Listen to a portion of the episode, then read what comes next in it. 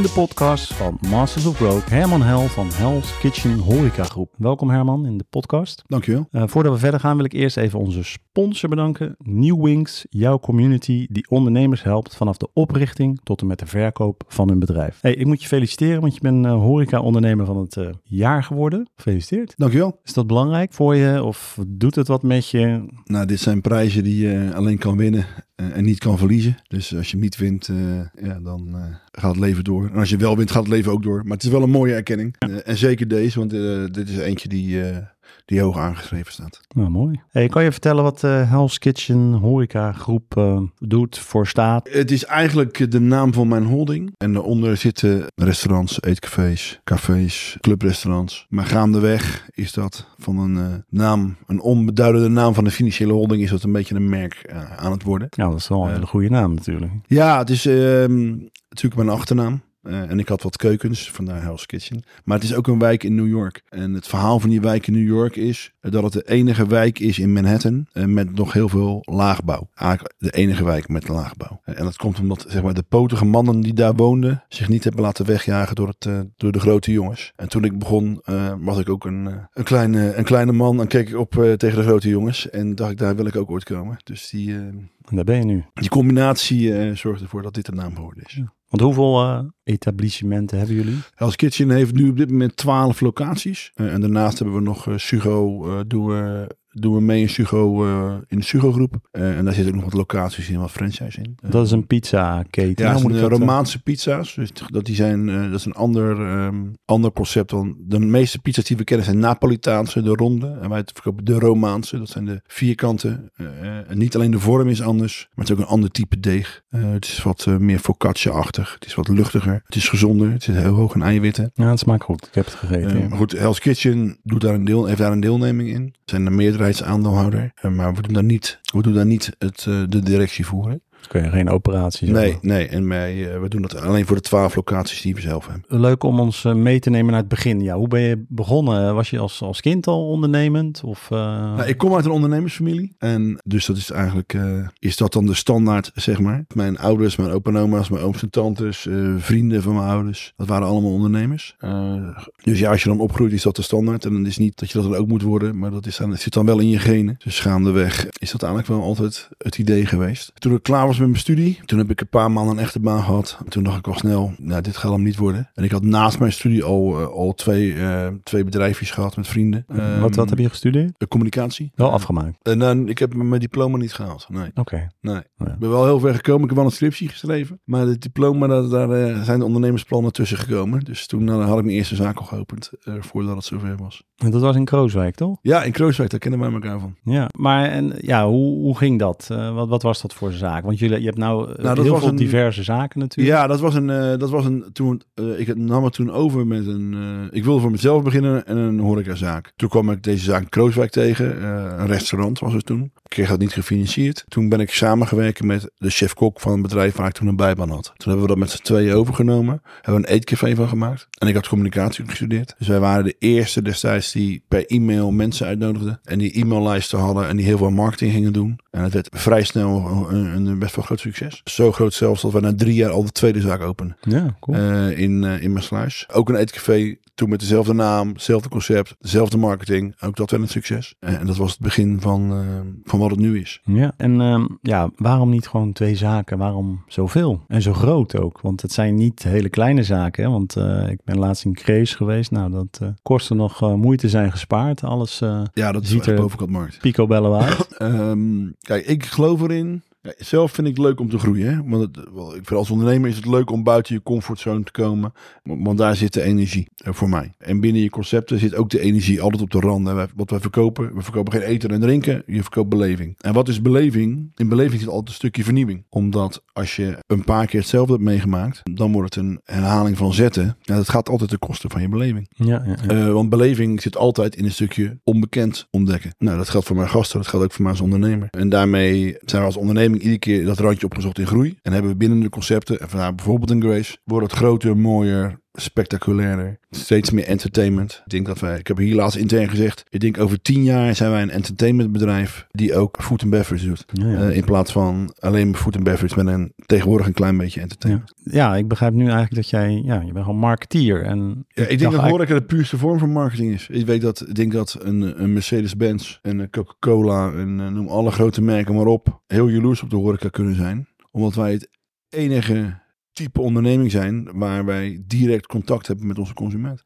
In een winkel bijvoorbeeld verkoop je wel kleding, maar op het moment dat die kleding gedragen wordt, is die, heb je geen contact meer met de consument. Nee. Eh, wij verkopen beleving aan de consument, terwijl de consument er is op hetzelfde moment. Dus wij verkopen een moment.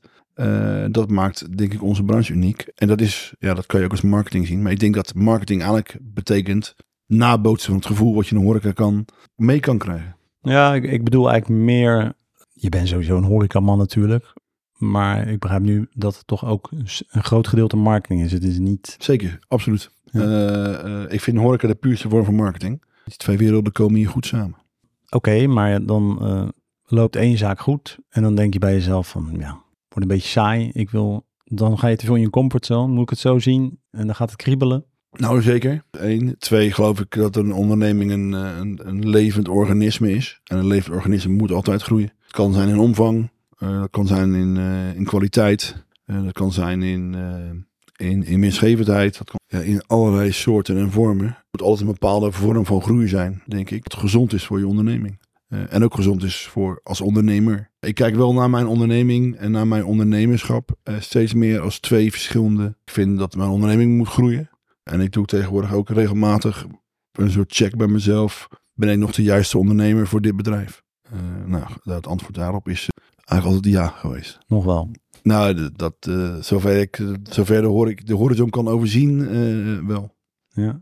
Ben je dan ook heel erg bezig met ja, hoe je als mens bent en hoe je hoe je, je daar ontwikkelt? Ja, steeds meer, omdat je, denk ik, de groei van een ondernemer is, dat, dan groei je ook als mens. Dus dat, die, die twee dingen kan je niet los van elkaar zien, denk ik. Ik denk als je mij twintig jaar geleden, de ervaring van toen, één op één in de situatie nu had gezet, dan had ik het nooit gekund. Dus je moet gaandeweg, maak je elke dag stapjes eh, om daar naartoe te groeien. En dat, dat, dat doe je als ondernemer, maar dat doe je ook als mens. Ja. De ondernemer is een mens uiteindelijk. En hebben jullie ook doelen? Stippel je die uit? Ik heb toevallig net voor het eerst in mijn leven een vijfjarenplan gaan, eh, geschreven. Waar we met bedrijf heen gaan eh, en wat we gaan doen. Maar tot nu toe, tot zeg maar een paar weken geleden, is alles organisch, orga- organisch gegroeid. Maar we hebben inmiddels een dermate omvang dat we gewoon meer planmatig moeten gaan werken. Om alle afdelingen en alle neuzen eh, dezelfde kant op te houden. En je hebt nooit, als je zo'n grote zaak hebt neergezet, van pff, nou even rustig aan nu, want eh, eventjes eh, pas op de plaats rust. Of, of zit dat gewoon niet in jou? Nou, ik kijk wel een beetje naar de marktsituatie, situatie van ons bedrijf. Als ik ruimte zie om te groeien, dan vind ik dat leuk. Maar je moet ook wel uitkijken dat je niet overgroeit. Of dat je zeg maar. Kijk, groeien gaat altijd ten koste van, gaat altijd ten koste van iets. Hè? Ten koste van kwaliteit, ten koste van winst, ten koste van omzet, ten koste van alle drie. Ja. Eh, dus je moet ook wel het spel spelen. Groeien, aansterken. Groeien, aansterken. Groeien, aansterken. Dus het is niet per definitie altijd groeien. Eh, aansterken is ook een vorm van groeien. Dan dan groeit je organisatie intern. Maar er moet altijd wel een ontwikkeling in zitten. Hè? Dus als je groei ziet als metafoor voor ontwikkeling, moet er altijd wel een ontwikkeling in zitten. Het kan in omvang zijn, of in kwaliteit, of in structuur. Of, eh, maar ik wil altijd wel doorontwikkelen. Dus als je een nieuwe zaak neerzet, dan ben je snel gegroeid in ehm, wat je neer hebt gezet. Maar dan is het zaak natuurlijk eh, om, om die business eh, helemaal goed eh Ja, je moet, je- hij, moet, krijgen. hij moet gaan draaien. Zijn winkel moet gaan draaien. Kwalitatief, operationeel op orde zijn. Hij moet, daarna moet hij ook een keer financieel op orde komen. Hij moet, het moet een structuur in dat hij zichzelf ververst. Eh, en dat er een cultuur komt, een lokale cultuur komt in zijn vestiging. eh, waardoor, die hem, waardoor die op lange termijn gedragen wordt. Dat is iets wat wij goed kunnen. Op een hele lange termijn exporteren. Dus dat is één kant.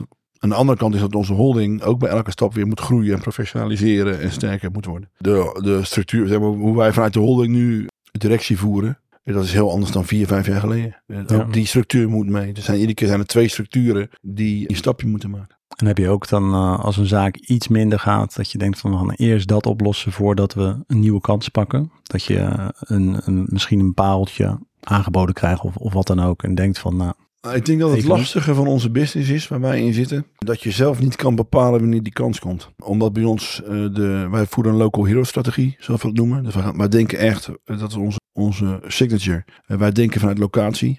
We denken niet vanuit een eh, merk en we denken ook niet vanuit een eh, product. Echt vanuit de locatie en wat die locatie nodig heeft. En het nadeel van een locatie is, die moet beschikbaar komen. En wanneer die beschikbaar komt, ja, dan moeten wij zeggen ja of nee. Dus wij kunnen niet zeggen, nou over vier maanden zijn wij er klaar voor. We willen groeien. Nee, eh, we kunnen alleen groeien op het moment dat de kans zich voordoet. En dat, is, dat kan bijna niet geforceerd.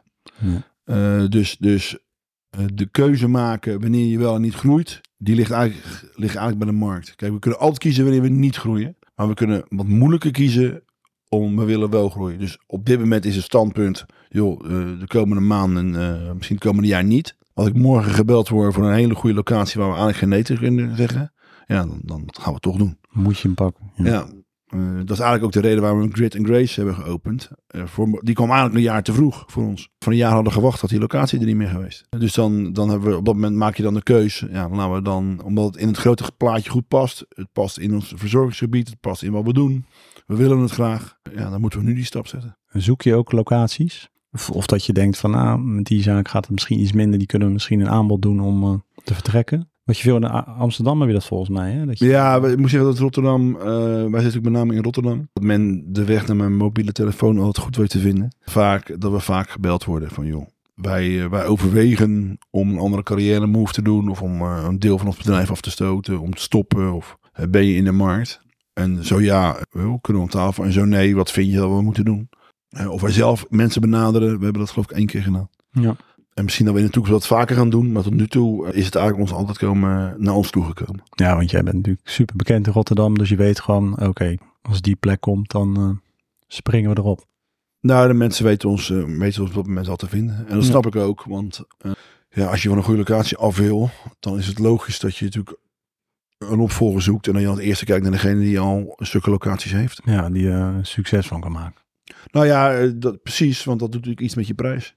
Ja. Ehm, voor mensen interessant om, eh, om als eerste ons te bellen. En dan heb jij allemaal checkboxes van, oké, dat is die locatie. Maar dat weet je waarschijnlijk al gelijk uit je hoofd van, Nou, we, hebben, we noemen dat uh, gekscherend de Hell's Kitchen bingo kaart.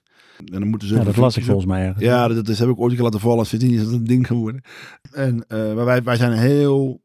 Wij kijken heel specifiek naar waar een locatie aan moet voldoen. En, en dat is denk ik het grote verschil tussen eh, de manier waarop wij werken en de manier waarop bijvoorbeeld een merk werkt. Want voor een merk, ehm, die zoeken natuurlijk eh, locaties waar ze hun concept kwijt kunnen. De- zeg maar, eh, die kopiëren hun, die kopiëren hun eh, menukaart en een interieur en ehm, die krijgen daar een fanbase mee. En die fanbase, die maakt het niet zo heel erg uit of je moet hoekje moet lopen, ja of nee. Wij mikken ons juist op locaties waar de locatie heel belangrijk is. Ehm, en waarin wij zeg maar ons ding kunnen doen. En we- waarin wij ook weten dat als het niet lukt, dat ding wat we doen, dat we er een nieuw concept in zetten en dat we gewoon weer draaien. Ja, ja. En dat is een andere manier van werken. Ja, want eh, stel je voor, er komt de locatie vrij en dan heb je dan al concepten liggen? Of nee, je kijkt dan naar de locatie van, ja, wat gaan we hier doen? Nee, wij, eh, als ik het met voetbal mag vergelijken, spelen wij zeg maar totaalvoetbal. Dus wij denken altijd vanuit de locatie. En eh, we lossen het probleem op wat daar zit.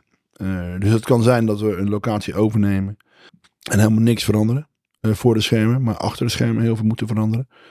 Of het management moeten veranderen, of directievoering moeten veranderen. kan ook zijn dat de marketing veranderd moet worden. Maar het kan ook heel goed zijn dat, dat, dat, dat het concept veranderd moet worden. Eh, we pakken op dat moment gewoon aan wat er aangepakt moet worden. Als het dan een is waar we het concept moeten aanpassen, dan gaan we dan pas denken, zou hier nou goed pa- passen?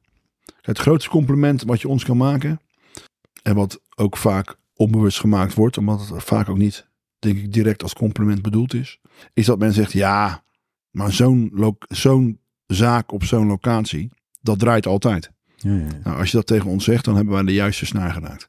Want blijkbaar hebben we dan iets gevonden wat zo logisch is op zo'n plek, dat mensen zeggen, ja, tuurlijk draait dat. Dat is logisch. Dan hebben we ons werk goed gedaan. Eh, Maar dan kan je dus van tevoren niet klaarleggen, want je weet nooit van tevoren welke locatie eh, er komt. En of als er een locatie vrijkomt, of het concept het probleem is. Want heel vaak zit het probleem in hele andere aspecten van zo'n bedrijf. En dat Daar dan kijk je gelijk goed naar van, oké, eh, wat, ja, wat dat, is hier aan de als we hand? beginnen kijken we eerst naar, voldoet die locatie aan onze eisen? Als daar het antwoord op ja is, dan we, oké, waar zit dan het probleem van die locatie? En er is al, als een bedrijf te koop aangeboden wordt, is er altijd een probleem. Want anders wordt hij niet te koop aangeboden. Eh, Er wordt, komt zelden een bedrijf op de markt waar geen enkel probleem is. En het probleem kan, zeg maar, heel groot zijn, maar makkelijk op te lossen. Bijvoorbeeld een aandeelhouder die geen zin meer heeft. Ja, dat is eigenlijk het makkelijkste probleem om op te lossen. Want Ja. wij zijn aandeelhouder die wel zin hebben. Maar meestal ligt het iets gecompliceerder dan dat. Want hebben jullie dan ook zaken waar eh, de eigenaar blijft en Nee, Nee. nee. dat doen we niet. We houden wel vaak de naam. Maar wij hebben zo'n specifieke manier van werken. We hebben gewoon ja, onze eigen voetbalstijl, laat ik zeggen. Onze stijl, die we, hoe- van manier van werken die we hebben. Ja, die wij in alle facetten willen doorvoeren. Want Ja. wat wij doen kan alleen als je heel onze back-office volledig integreert. Eh, we hebben één gezegd bij ons in de, za- eh, in het bedrijf. Dat is stick to the plan. Dus niet afwijken van het plan. Eh, Ja. We werken op onze manier. Eh, dat integreren we in zo'n locatie. En dan werkt het. Eh, daar hebben we goed over nagedacht. Dat doen we al heel lang. En op die manier filteren we alle, filteren we in een heel vroeg stadium, filteren we de problemen eruit. En als je een probleem oplost voordat het een probleem wordt, heb je eigenlijk nooit een probleem. En dat is wat we proberen, dat is wat we proberen klinkt te doen. Ja. Maar dat kan alleen als je volledig doet, volledig vertrouwt op het systeem dat wij verzonnen hebben. Ja, doet me een beetje denken aan, ik heb de ondernemer van eh Trey Moore geïnterviewd en die had een algoritme, zoals hij dat noemde, bedacht voor zijn sportschool, de locatie, alles dit en dit, daar moet het allemaal aan voldoen en dan eh, is het, eh, dus dat is eigenlijk jullie algoritme. Ja, bij ons, ja, bij, ons is, we hebben een soort, eh, ehm, eh, ja, we noemen dat analyses, weekanalyses van onze locaties. En daarin kunnen we heel, we kijken ook nooit naar hoe, naar de resultaten, we kijken altijd naar trends. En, ehm, en in die trends kunnen we in vrij vroeg stadium signaleren eh, eh, waar er kansen liggen en waar er bedreigingen zijn. Nou, hoe meet je trends? Dat is moeilijk meetbaar. Of, eh? Nee, op zich niet. Dat is gewoon een combinatie van, eh, ehm, eh, van heel veel KPI's in, je, in, in een bedrijf. Dat zijn financiële KPI's, dat zijn operationele KPI's.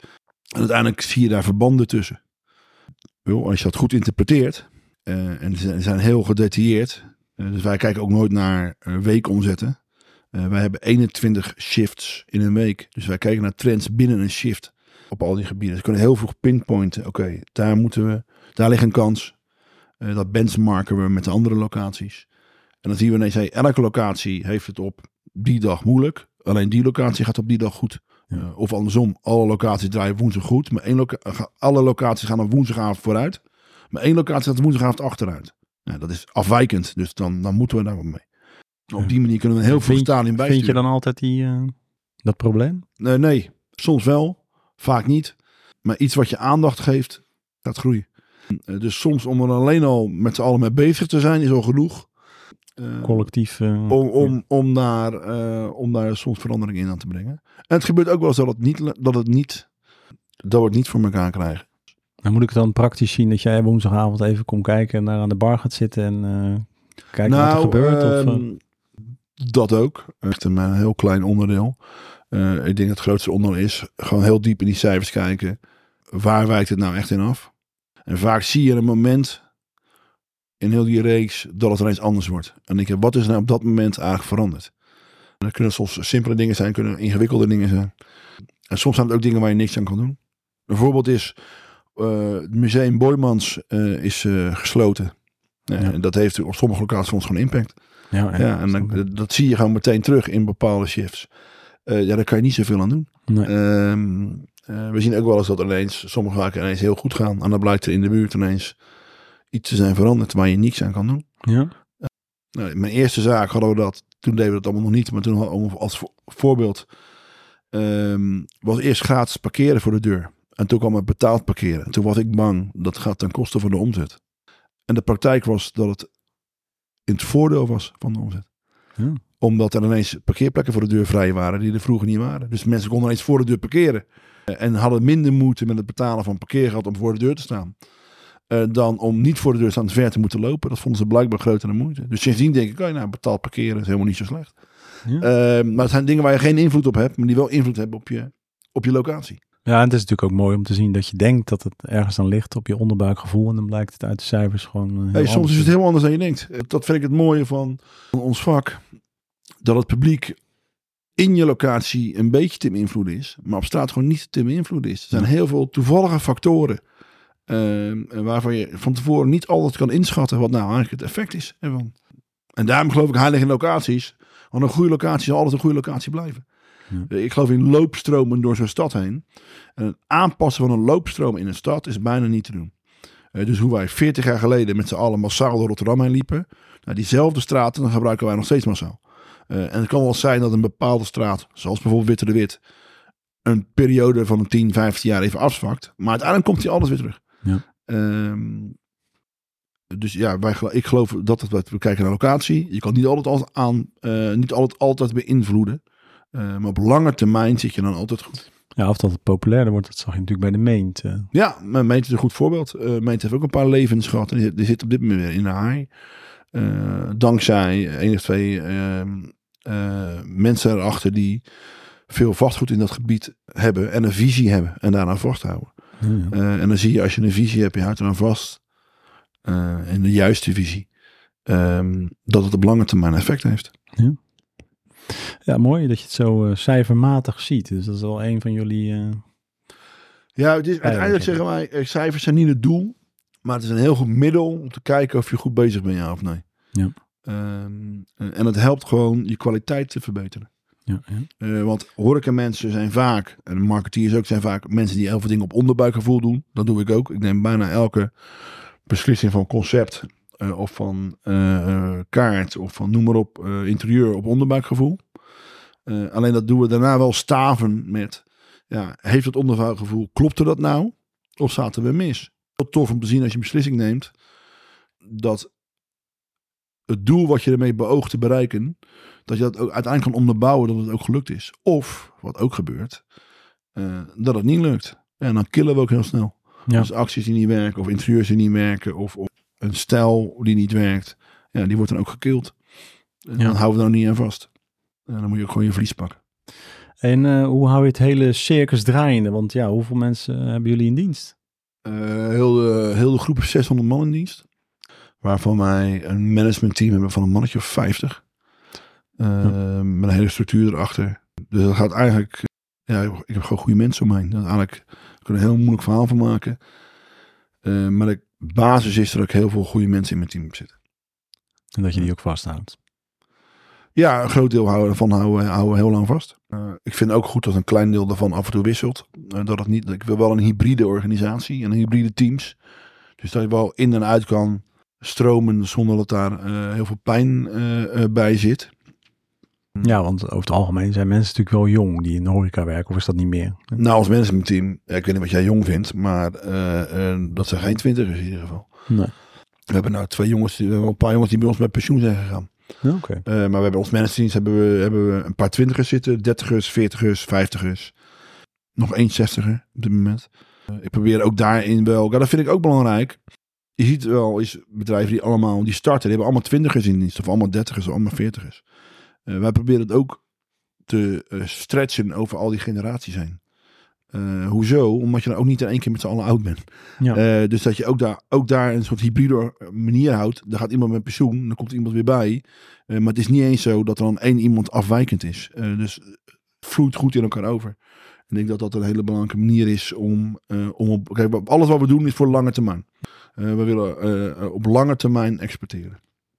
En er hoort dus ook bij dat je een goed managementteam hebt. Dat hebben we. Maar er hoort ook bij dat binnen dat managementteam, binnen, binnen die 50 man die we hebben, ver- regelmatig eh, zeg maar, op een natuurlijke manier verversing in zit. Eh, dat hebben we één nodig voor de groei. Hè? Dat team moet groot, want kun je niet groeien. Eh, dat heb je ook nodig om niet ingekakt te raken. Ja. Dus om daar een bepaalde ehm, energie in te houden. En, maar werk je zelf heel veel? Ja, ik vind de scheidslijn tussen ehm, eh, wel en niet werken, eh, ehm, die is bij mij nogal vaag. Ja, want wat is, wat is werk? Ik weet het niet. Ik ga gewoon 's ochtends mijn bed uit. Ga Het voelt niet als werk voor jou. Nou, één voelt het niet als werk. Dat is één. Twee zijn er ook heel veel dingen zoals dit. Ja, is het werk, is het privé? Ik weet het niet. Ik vind het hartstikke leuk om te doen. En als ik het doe, dan, doe ik het. Ik weet niet onder welk, hoe ik het moet labelen. En ik, heb- ik heb dingen die ik echt als werk kan labelen. En ik heb dingen die wel werk zijn, maar niet voelen als werk. Maar ik heb ook een heel groot deel van eh, de uren in de week eh, die, waar ik eh, dingen doe. Waarvan ik, waar, die, waarvan ik niet weet of het nou werk is, ja of nee. En kan je makkelijk ontspannen? Of? eh? Eh, nee, totaal niet. Nee. Nee, mensen vragen hoe ontspan je? Ik ontspan helemaal niet. Oké. Ik, vind, eh, ik vind het leuk om... eh, Nee, ik heb geen hobby's of zo. Voet-. Ja, voetballen dan, hè? Ja, ik ga graag naar, ik ga graag naar, naar, naar de Kuip toe. Eh, en tegenwoordig ook voor mijn plezier. Dat is ook, ook wel jaren geweest dat je daar natuurlijk eh, Je op staat te vreten. eh, je op zat te vreten. Maar dat is inmiddels ook leuk. Eh, voor zolang het duurt natuurlijk. Want het is, dat is altijd de vraag. Ja. Maar ja, dat is, ja, ik weet niet of het een hobby is. Want ja, ik doe daar niet zelf niet zo heel veel. En wat zegt thuisfront? Zijn ze ook blij dat je zoveel werkt? Of, eh, Nou, ik denk dat, dat de eh, verhouding, hoe noemen dat tegenwoordig? Privé, Privé-werkbalans, werkbalans, ja. eh, dat die vrij goed in orde is. Ik, heb, eh, ik ben een paar avonden van de week thuis. Ik zie mijn vriendin eh, eh, vaak, mijn kinderen vaak. Maar ik ben ook vaak op de zaak. Maar ik ben ook vaak met hun op de zaak. Dus dat, dat, dat, daar loopt het ook een beetje door elkaar heen. Maar het is niet zo dat ik nooit thuis ben of zo. Dat Nee. denken mensen vaak, joh, dat is een ondernemer, die is nooit thuis. Maar ja, ik ben gewoon heel veel avonden in de week thuis. ja. Ehm, En, ik ben ook heel naar in de school week. op- brengen. Dus, Zeg je? Ja. Je kan ze misschien makkelijk naar school brengen. Weet niet Nou, ze- ehm eh, dat gaat, inmiddels gaan ze gelukkig Ja, zelf eh, op de fiets naar school. Maar dat deed ik vroeger wel. Nee, maar dat gaat uiteindelijk... Kijk, de tijden dat, dat je in, als je in de horeca werkt of onderneemt... dat je zeven avonden in de week in de zaak staat... die liggen wat mij betreft, en ik denk überhaupt bij ons in de branche... eh, wel achter ons. Ook onze werknemers vijf dagen in de week werken of vier dagen in de week werken... eh, hebben een rooster dat ze niet elke avond sluiten hebben... of elke avond hoeven te werken. Er zijn ook weekenddagen vrij. Er zijn ook regelmatig avonden vrij. ja. De doelstelling die we hebben is dat iedereen de helft van de avonden vrij is. Nou, dat halen we in veel gevallen, nog niet in 100% van de gevallen. ja, dat is een mooie vind- ontwikkeling. Hè? Ja. Ik vind het belangrijk dat je, als je mensen lang wil behouden, dat bij hun ook, dat je ook een gezin kan hebben. Eh, als je in de horeca werkt. En dat het gewoon gezien wordt als een baan waar je oud mee kan worden. En ik ben ervan overtuigd dat op het moment dat je maar drie avonden in de week hoeft te werken. Of twee avonden in de week. eh, sorry, twee avonden in de week sluit hebt en nog één avond extra moet werken. Dat je, eh, ja, dat je heel lang dat vol kan houden. Ehm, waardoor die aantrekkelijk is om in, in zo'n branche te blijven zitten. Ja, ja. Ja, ik denk dat het ook wel door de supermarkten gekomen is. Toen met zondag erbij. En dat, dat, dat je dan daar toch een, ook een cultuur in krijgt. Van oké, het is normaal dat je op zondag werkt. Of, en dan... Eh, heel de economie is 24-7. Dus als je naar een supermarkt werkt, of je werkt bij de, bij, als buschauffeur, eh, of in een ziekenhuis, of in een, eh, in een kledingwinkel, of wat je ook doet. Overal is het zeven dagen in de week en met avonden erbij. Ja. Daar wij toe horeca. Wij hebben nog de naam dat het bij ons zo is. Maar inmiddels is heel de maatschappij zo. En is de horeca juist de kant op gegaan dat het, als je bij ons voelt, dan werk je niet meer vijf keer in de week sluit of de avonden moet werken. Eh, dus ik denk dat die verhouding in principe een heel stuk beter is geworden. Nou, het lijkt me dat je heel stressbestendig bent. Is dat jouw eh, grootste kracht? Of, eh, of ben je niet Ehm, stressbestendig? Nou, ik heb een- een gezonde portie stress. Dat is denk ik, dat hoort erbij. Zolang die maar gezond blijft. En ik heb ook wel een beetje stress nodig om, eh, dat is ook een beetje de adrenaline de adrenaline eh, waar het vrijkomt. op draait. Maar het verlamt mij niet. Zij, zo bijvoorbeeld in coronacrisis of dat het echt enorme stress wordt. Ja, dat dan was- merk je dat wel. was te veel van het goede, zeg maar. Nou, dan merk je wel, oké, dan wordt het helder denken. ja, dus dat is zeg maar, ik denk dat dat de overeenkomst is van ondernemen zoals wij dat doen. En veel ondernemers dat doen. En bijvoorbeeld topsport. Dat op de moeilijkste momenten in je carrière moet je de belangrijkste beslissingen nemen. Ja. Eh, en ik heb de laatste jaren wel geleerd, en mede eh, dankzij corona, eh, dat je je belangrijkste beslissingen in je carrière dus neemt in een situatie te veel stress is of veel druk op de ketel staat. En dat doet wat met je denkcapaciteit. Dat je- dat je jezelf toch ehm, focussen en moet dwingen op dat moment om helder na te denken. En dat begint met een stukje bewustwording van, ja, denk ik nou helder of staat er zoveel druk op de ketel dat ik iets meer tijd nodig heb om een beslissing te nemen? Hey, een vraag van onze sponsor, New Wings. Eh, hoe zorg je ervoor dat eh, je de juiste mensen op de juiste plek krijgt? Nou, eh, de kunst is om mensen op hun plek te zetten waar ze het meest floreren. En sommige mensen, met sommige mensen gaat het vanzelf. Hè, dan ga je gaandeweg, vind je uit waar is iemand goed in, waar krijgen ze energie van. Waar stijgen ze boven zichzelf uit.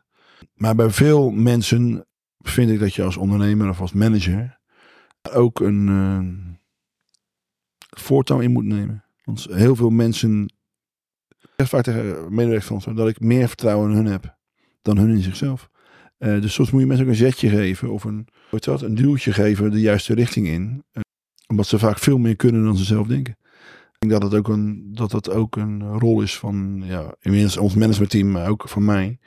Om mensen ook het vertrouwen mee te geven en af en toe ook een duwtje te geven. Joh, ga het nou maar doen. Je zult zien dat je het kan. En uiteindelijk, als het dan lukt, dan stijgen ze boven zichzelf uit. Eh, dus eh, je moet soms ook een beetje forceren. Mooi. Hey, heb jij tips voor onze luisterende ondernemers? Jouw beste twee tips, laten we dat doen. Als je een onderneming Nou, wil starten of als je een onderneming eh, hebt. Dat je als ondernemer zelf het tempo moet bepalen. Dus dat je nooit gek moet laten, moet laten maken door je omgeving.